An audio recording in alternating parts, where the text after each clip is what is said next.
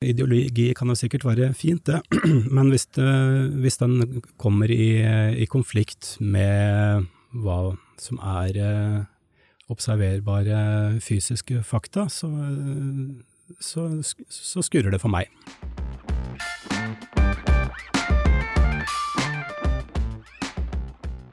Vi er alle forskjellige, og det er mange måter å være både gutt og jente på, mann og kvinne på, og, og det, er, det, må være helt greit. Helt grunnleggende så er mann og kvinnen definert med hvilke kjønnsceller vi, vi produserer. Kjønn er jo relatert til eh, forplantning, reproduksjon. Formering, rett og slett. Formering, rett og slett, ja.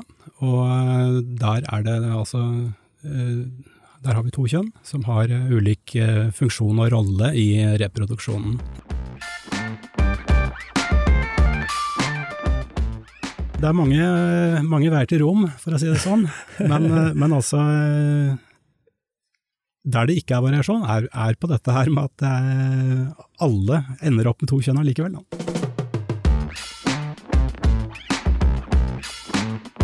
Du hører Mannspodden Jakten på mannsidentitet. Bli med Andreas Skjelde og Einar Helgaas på din vei mot autentisk maskulinitet.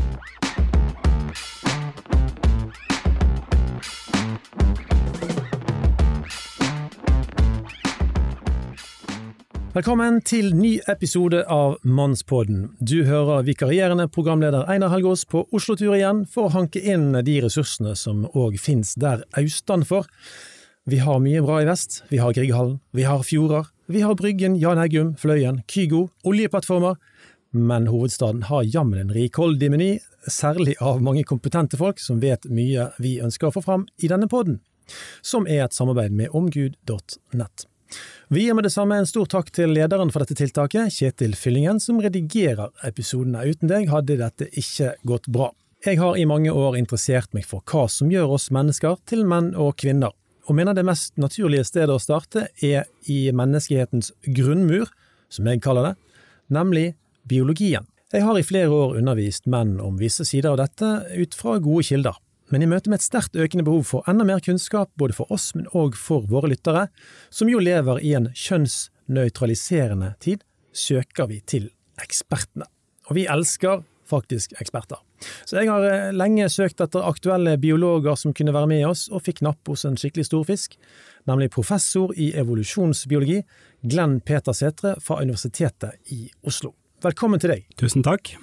Du kan si litt mer om deg sjøl. Ja, jeg eh, er altså professor i evolusjonsbiologi, og jobber med fugler hovedsakelig og genetikk og kjønnskromosomer og ja, litt forskjellig eh, relatert til annet kjønn, da. Så det betyr at du har studert mer på kjønn enn kanskje andre biologer? Ja, det er riktig. Men eh, primært hos eh, dyr? Ja. Ok, så bra. Du, nå skal vi altså kjøre i gang et av flere dypdykk i uh, Mannsbåten i denne biologiens verden. Og Glenn Peter, når vi spør hva kjønn er, eller hva han og hun egentlig er, hvor begynner en evolusjonsbiolog? Altså, er det et opplagt sted å begynne, eller sitter du med liksom en vifte av alternativer? Eh, det er ganske opplagt. Eh, kjønn er jo relatert til eh, forplantning, reproduksjon. Formering, rett og slett. Formering, rett og slett, ja. Og der er det altså Der har vi to kjønn som har ulik funksjon og rolle i reproduksjonen. Så du har eh, hannkjønn, som vi definerer som det kjønnet som produserer eh, små kjønnsceller, altså hos oss eh, sædceller. Hos planter så kaller vi det gjerne for pollen. Og hunder da, som produserer store kjønnsceller, altså eggceller, eller når vi tenker planter, så blir det da frøemner.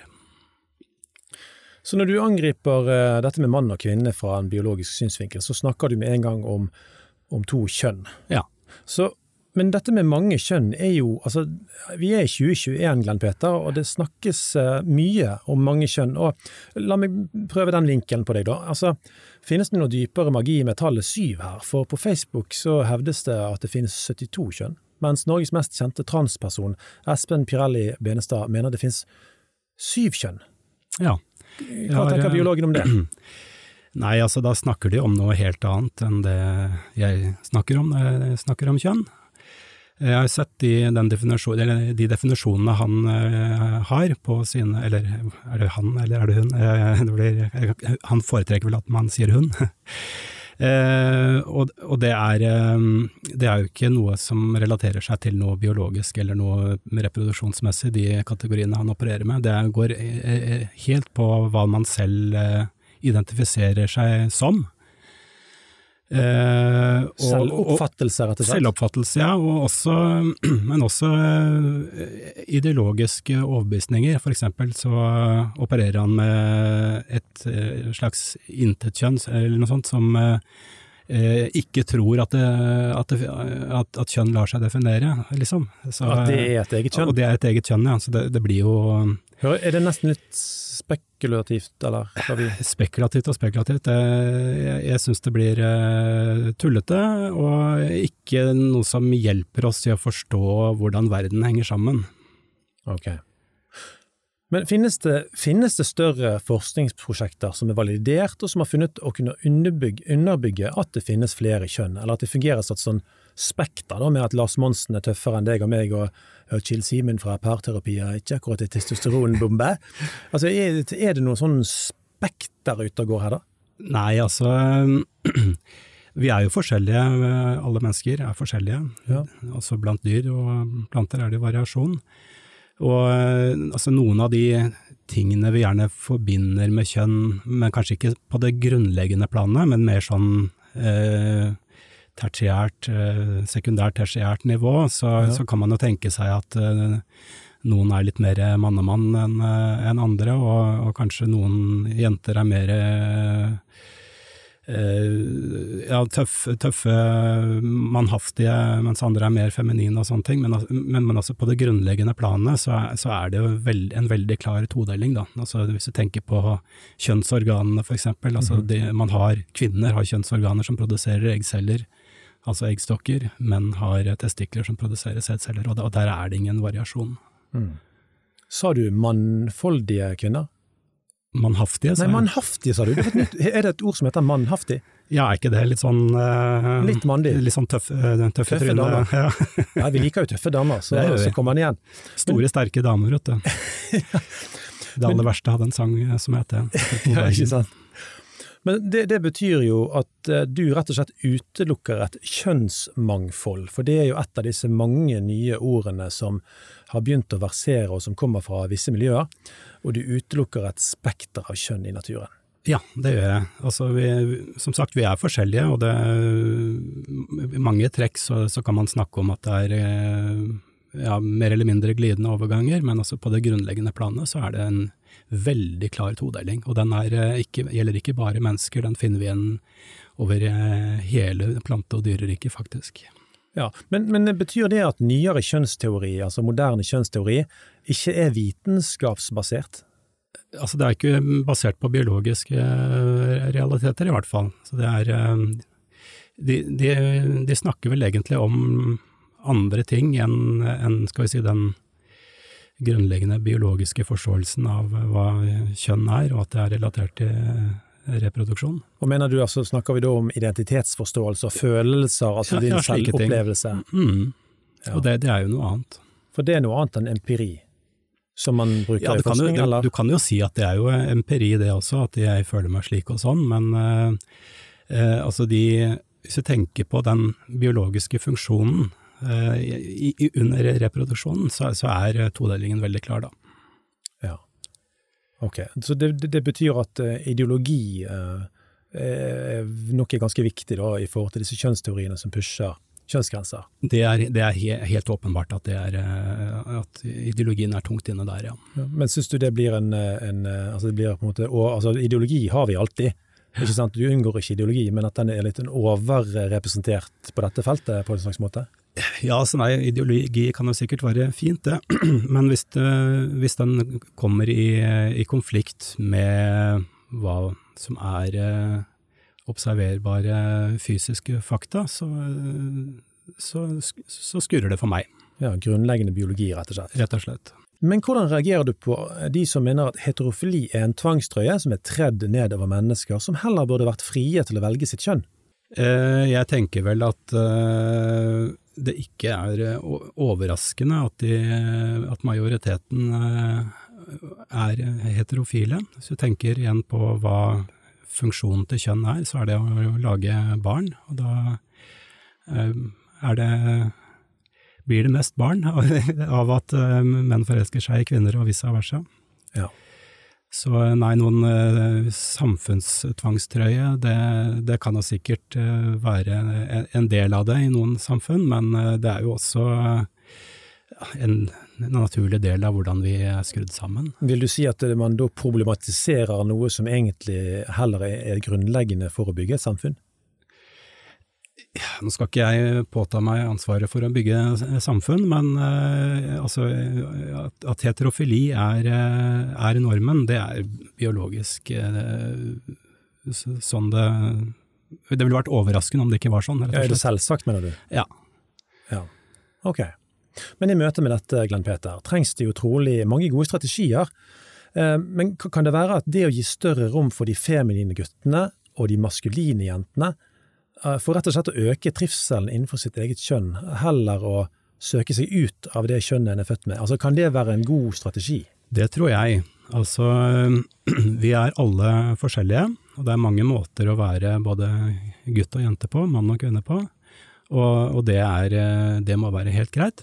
Mm. Og, og, så er det bare da sånn, altså rent fysiologisk så, det, så har vi litt ulik funksjon i, i måten vi, eller når vi skal eh, reprodusere. Og, det, mm. og så, sånn er bare kroppene våre skrudd sammen, så det, mm. det, må vi nesten forholde oss til. Ja, se den. Du, Vi skal se på litt forskjellige fenomener i naturen. sant? Og La meg se på en ting først. der. Altså, I naturen så spør jeg, finnes det noe som er tokjønnet, ukjønnet, samkjønnet, eller hvordan ser det ut? Altså, Moderne kjønnsteori har, som jeg har forstått, eh, en iver etter å finne paralleller i naturen Eh, over til menneskeheten, og, og, og, vi må liksom sjekke om dette stemmer. Men nå er det altså dette med tokjønnet, ukjønnet, samkjønnet. altså Hva, hva, hva ser du der? Mm. Ja, nei, det er, jo, det er jo veldig mange måter eh, naturen har eh, løst dette med formering på.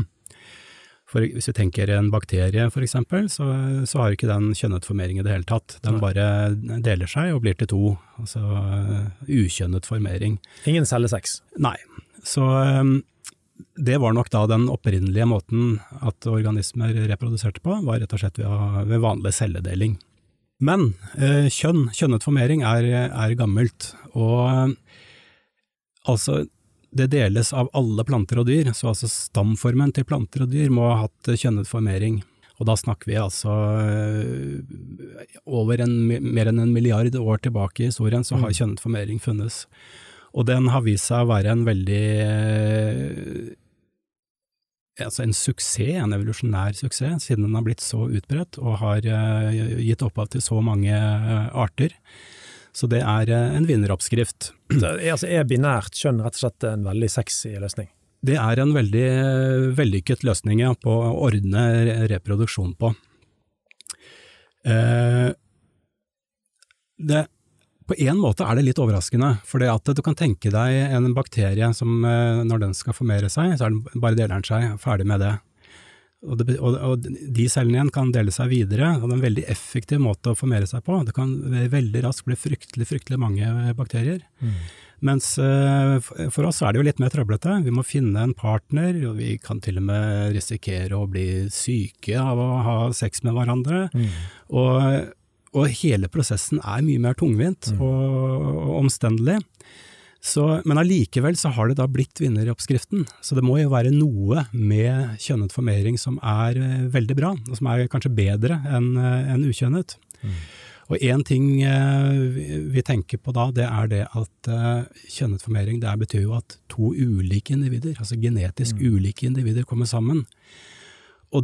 Og og produserer da unger, eller avkom, som er forskjellige fra hverandre. Og det, det er nok der mye av nøkkelen til suksessen ligger. At det, er, at det produseres variasjon.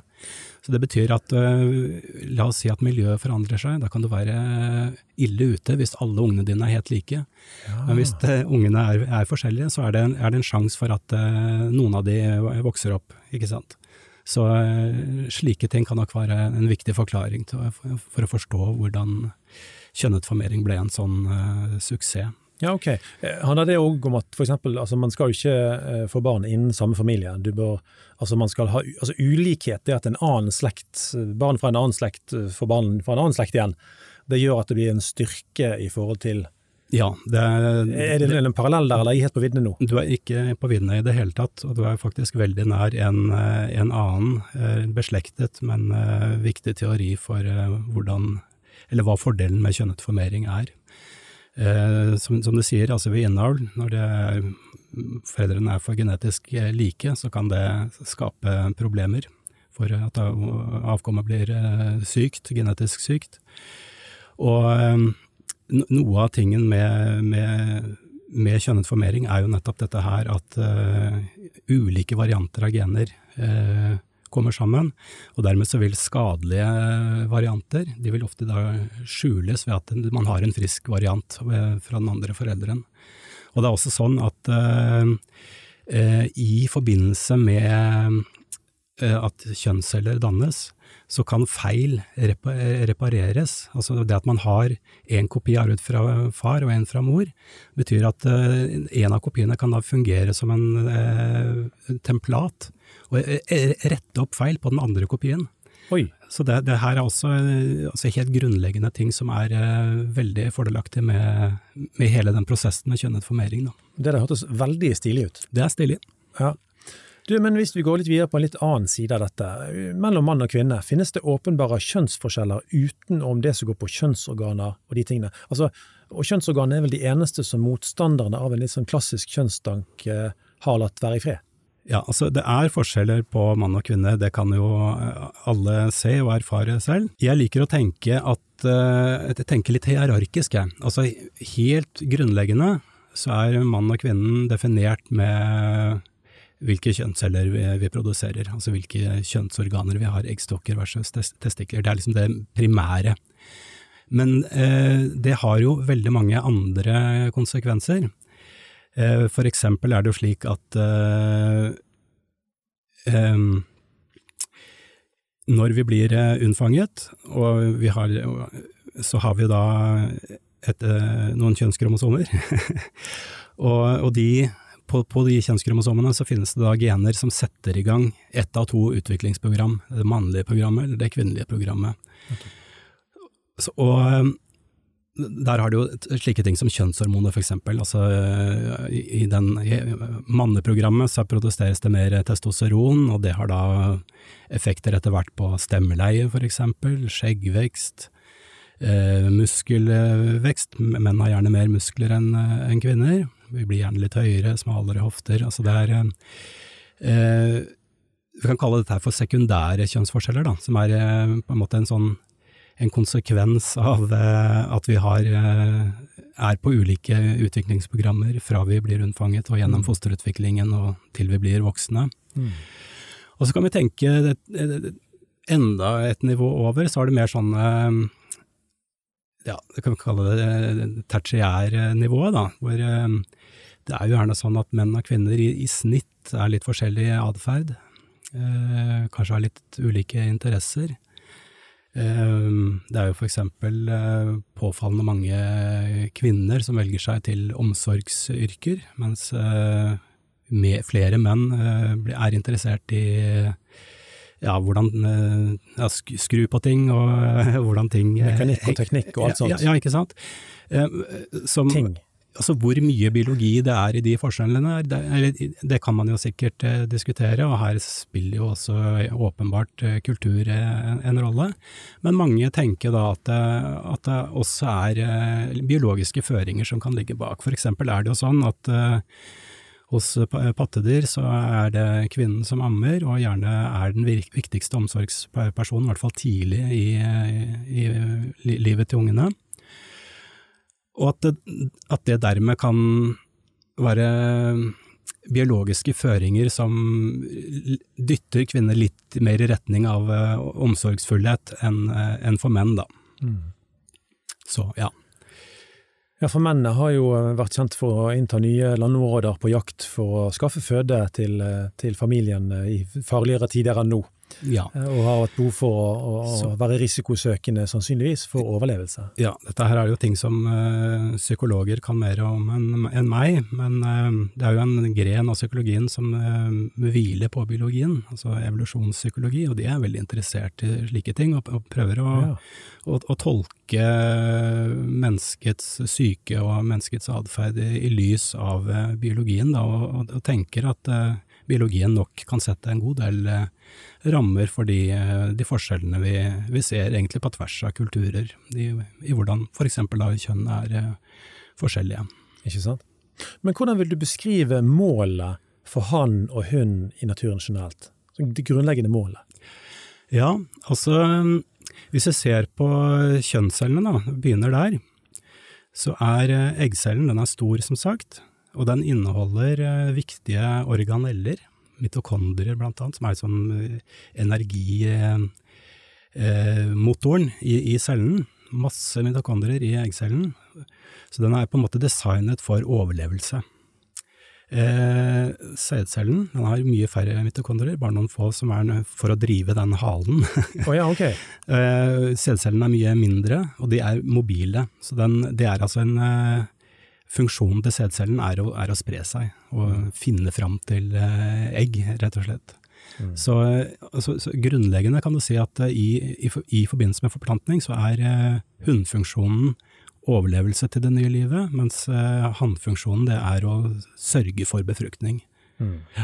Det er jo enkelte menn som tar den spredningen litt vel alvorlig, Eh, men eh, sånn er det. Men eh, finnes det organismer med mer enn to kjønn, eksempel av alger og, sopp, eller er naturen, altså, jeg vet du har vært inne på det, men vi skal liksom juice oss inn i dette, her. eller er, naturen strengt binær? Ja, eh, sopp er eh, De har ikke forskjellige kjønn i det hele tatt.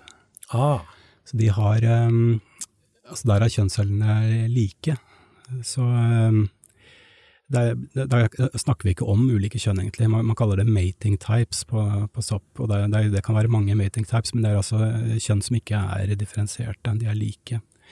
Så hvis du ser på organismer hvor det finnes eh, kjønnsforskjeller, eh, primært da på størrelsen på kjønnscellene, så finnes det bare to. Ikke et eneste eksempel på at eh, noen organismer har mer enn to kjønn. riktig. Men, men finnes det organismer med begge kjønn representert i seg? Det gjør det. Det kalles for hermafroditisme. Sa du hermafro... Altså hermafroditt. Ja. Hermafrodit, hermafroditisme. Det er litt vanskelig ord. Kult navn, faktisk. Ja, men der, eh, der har du Vi kan ta et eksempel, da. Med meitemark. Den er en hermafroditt. Så det betyr at den har både På en del av kroppen så har den testikler som produserer sædceller, på en annen del av kroppen så har den eggstokker som produserer eggceller. Så den har både hannfunksjon og hunnfunksjon i samme individ. Mm. Så det betyr altså når to meitemark parer seg med hverandre, så møtes hannenden og hunnenden på to steder med, Ja. mellom de som parer seg. Så det blir jo ikke Da blir det jo binært allikevel. Det er binært, det er akkurat Men- ikke binært, bare at det, det, er, det, er ikke, de er ikke særkjønnede slik som vi er. Så det å bruke meitemarkeksempelet over på oss mennesker, eh, er det relevant? Ja, nei, vi er jo aldri hermafroditter. Nei. Nå, eh, der er det noen misforståelser ute og går, for det finnes jo noen eh, veldig få mennesker som fødes med uklare ytre kjønnsorganer. Ja. Det kalles for intersex-tilstander på fint. Eh, og i gamle dager så kalte man gjerne slike for hermafroditter, men det, fun biologisk funksjonelt er det ikke det, altså. Det finnes ingen mennesker som er født med både eh, funksjonelle eggstokker og funksjonelle testikler. Nettopp. Så det er, det er noe annet. Det er, altså- det er sjeldne medisinske tilstander hvor noe eh, har gått litt, litt skeivt i fosterutviklingen, sånn at, eh, at, de, at kjønnsorganene er, eh, er litt utydelige. Eksempel at eh, penis er veldig liten hos en gutt, eller at eh, klitoris er veldig stor hos en jente. Det kan når spedbarnet, eller barnet kommer da ut av mor, så kan legen klø seg litt i huet og lure på oh, ja. er, det, er det det ene eller det andre. Så må man da gjerne gjøre litt flere undersøkelser, og, og kanskje um, litt operasjoner og sånn for å ordne opp, da. Er det testikler som skal liksom ut og fram og sånn? Ja, sånne ting? slike ting. Altså hvis de ikke faller ned, ikke sant, så Ja. kan det være vanskeligere å, å se. Hvis det da sammenfaller med en mikropenis, så- kan det, og, kan det være Ja. vanskelig for legen å, å se, rett og slett. Men blir ikke dette brukt for å underbygge nyere kjønnsteori, eh, og, og, hvordan ville du Jo, jeg kommentere det? jeg har sett at det, at det gjøres det. det. For meg så er det litt underlig. Altså, det blir jo litt som å argumentere for at eh, vi ikke har eh, fem fingre på hver hånd, fordi at eh, en sjelden gang iblant fødes noen som har eh, seks eller mangler en, ikke sant. Altså, det, det er jo eh, Det er jo rett og slett en medisinsk eh, feil som har, som har skjedd i fosterutviklingen. Ja. Det, det er jo ikke noe det, altså, det rokker jo ikke ved den grunnleggende todelingen eh, som er der. Nei, for de som er voksne og har hatt intersex-tilstander som barn, de er vel bekvem, eller har, de har jo funnet seg et kjønn, altså Stemmer ikke det? Jo, altså de, de, er jo, de er jo gutter eller jenter, menn eller kvinner.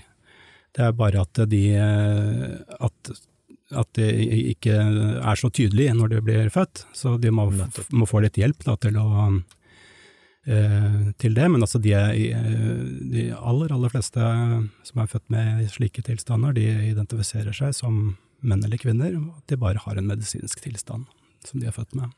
Nettopp. Og jeg har også hørt at noen av de ikke er like fornøyde med at eh, moderne kjønnsteori bruker deres tilstand til å, er, til å er, underbygge den teorien, da. Det er det jeg også har hørt, at en, en del av de føler seg brukt egentlig i en ideologisk kamp som ikke de er en del av selv. Akkurat. Men du, en, en annen sak. Jeg har òg hørt at det finnes organisasjoner som eh, jobber langs linjer av type flytende kjønn, som fokuserer mye på sjøhesten som symbol. Hvordan kan du forklare dette? Sjøhesten har en veldig interessant forplantningsbiologi. Eh, Den er eh, akkurat like binær som, som oss. Altså, okay. De har hannkjønn produserer sædceller, hunnkjønn produserer eggceller der også. Men eh, de, de har løst uh, dette med graviditet på en uh, annen måte. Så det, det som skjer er når eggene befruktes, så legger hannen de i en pose på magen, som han pleier da til de blir yngel av en viss størrelse, og- de da skal si, fødes ut fra hans lomme på magen. Da. Ja. Så du kan jo si at den en eh, funksjon som vi gjerne eh, forbinder med hundelighet, altså dette med å gå gravid, den er, den har, det er tatt av hannkjønnet i- hos den arten. Og, Ja, riktig. Ja. Men igjen eh, var det vanskelig å bruke dette på å forklare at vi mennesker ikke er tokjønnet, og at ikke vi kan operere ordinært binært, for å si det sånn. Ja, hos oss så har ikke hanner en pose på magen hvor vi, sett lite til det. Veldig, veldig lite til det. kan Altså. lage, lage barn. Rema-pose, liksom. Ja, nei, men altså, en annen ting er jo at dette, her er jo, eh, dette her er jo ikke de primære kjønnsforskjellene. Det er eh, ting vi gjerne tenker på som hundelig å handle, fordi at ting er sånn som de er hos oss. Nettopp. Eh, de kan være annerledes hos andre organismer. Men de, de organismene er allikevel like binære, de har bare løst deler av reproduksjonen på en annen måte. Forstår. Men uh, finnes det arter som kan bytte kjønn? Det kan det. Eller det finnes. Du har for eksempel uh, ja, det uh, Fisker som er vanlig på brygga i Bergen, er rødnebb og blåstål. De er samme art. Rødnebben er en hunnfisk, og blåstålen er en hannfisk. Og det er slik at uh, hannen der, blåstålen, den er eh, dominant og liksom holder kontroll på en eh, liten gruppe med rødnebbhunder. Men hvis den hannen da skulle dø, eller bli spist av en uh, sei eller noe slikt, da vil da den, skal vi si, den største og mest dominante hunden i gjengen, den vil da eh, gjøre, gå gjennom en, et skjøn, kjønnsskifte. Og du altså store min, Det setter i gang altså en uh, hormonproduksjon og slike ting, som gjør at uh, eggstokker tilbakedannes, og testikler utvikles, og den endrer også da farge og atferd og, og slike ting. dette er jo uh, utrolig spesielt. Ja, Eller er det ikke det er jo eh, Du kan jo si eh, også der er jo eh, ja, kjønnet veldig binært. Det er, det er ikke noe mellomting mellom rødnebb og blåstål. Det er hunder og hanner. Men de har løst dette med utviklingen ulikt. Hos oss er det jo skjer det jo allerede ved unnfangelsen, ikke sant, at, ja. at uh, dette genet setter i gang ulike utviklingsløp, ulike produksjoner av hormoner og sånt, noe som gjør at uh, man ender opp å bli, å bli litt forskjellige. Mens uh, hos denne fisken så er det annerledes, der skjer det på et seinere tidspunkt i livet at kjønnsdifferensieringen skjer, da. Men ditt poeng er at det er fortsatt binært? Ja. Altså det er fortsatt hun og han? Ja. Akkurat. Men hvordan tenker du som biolog om uh, kjønnsskifte for mennesker? Kan man f.eks. gå fra rein mann til rein kvinne?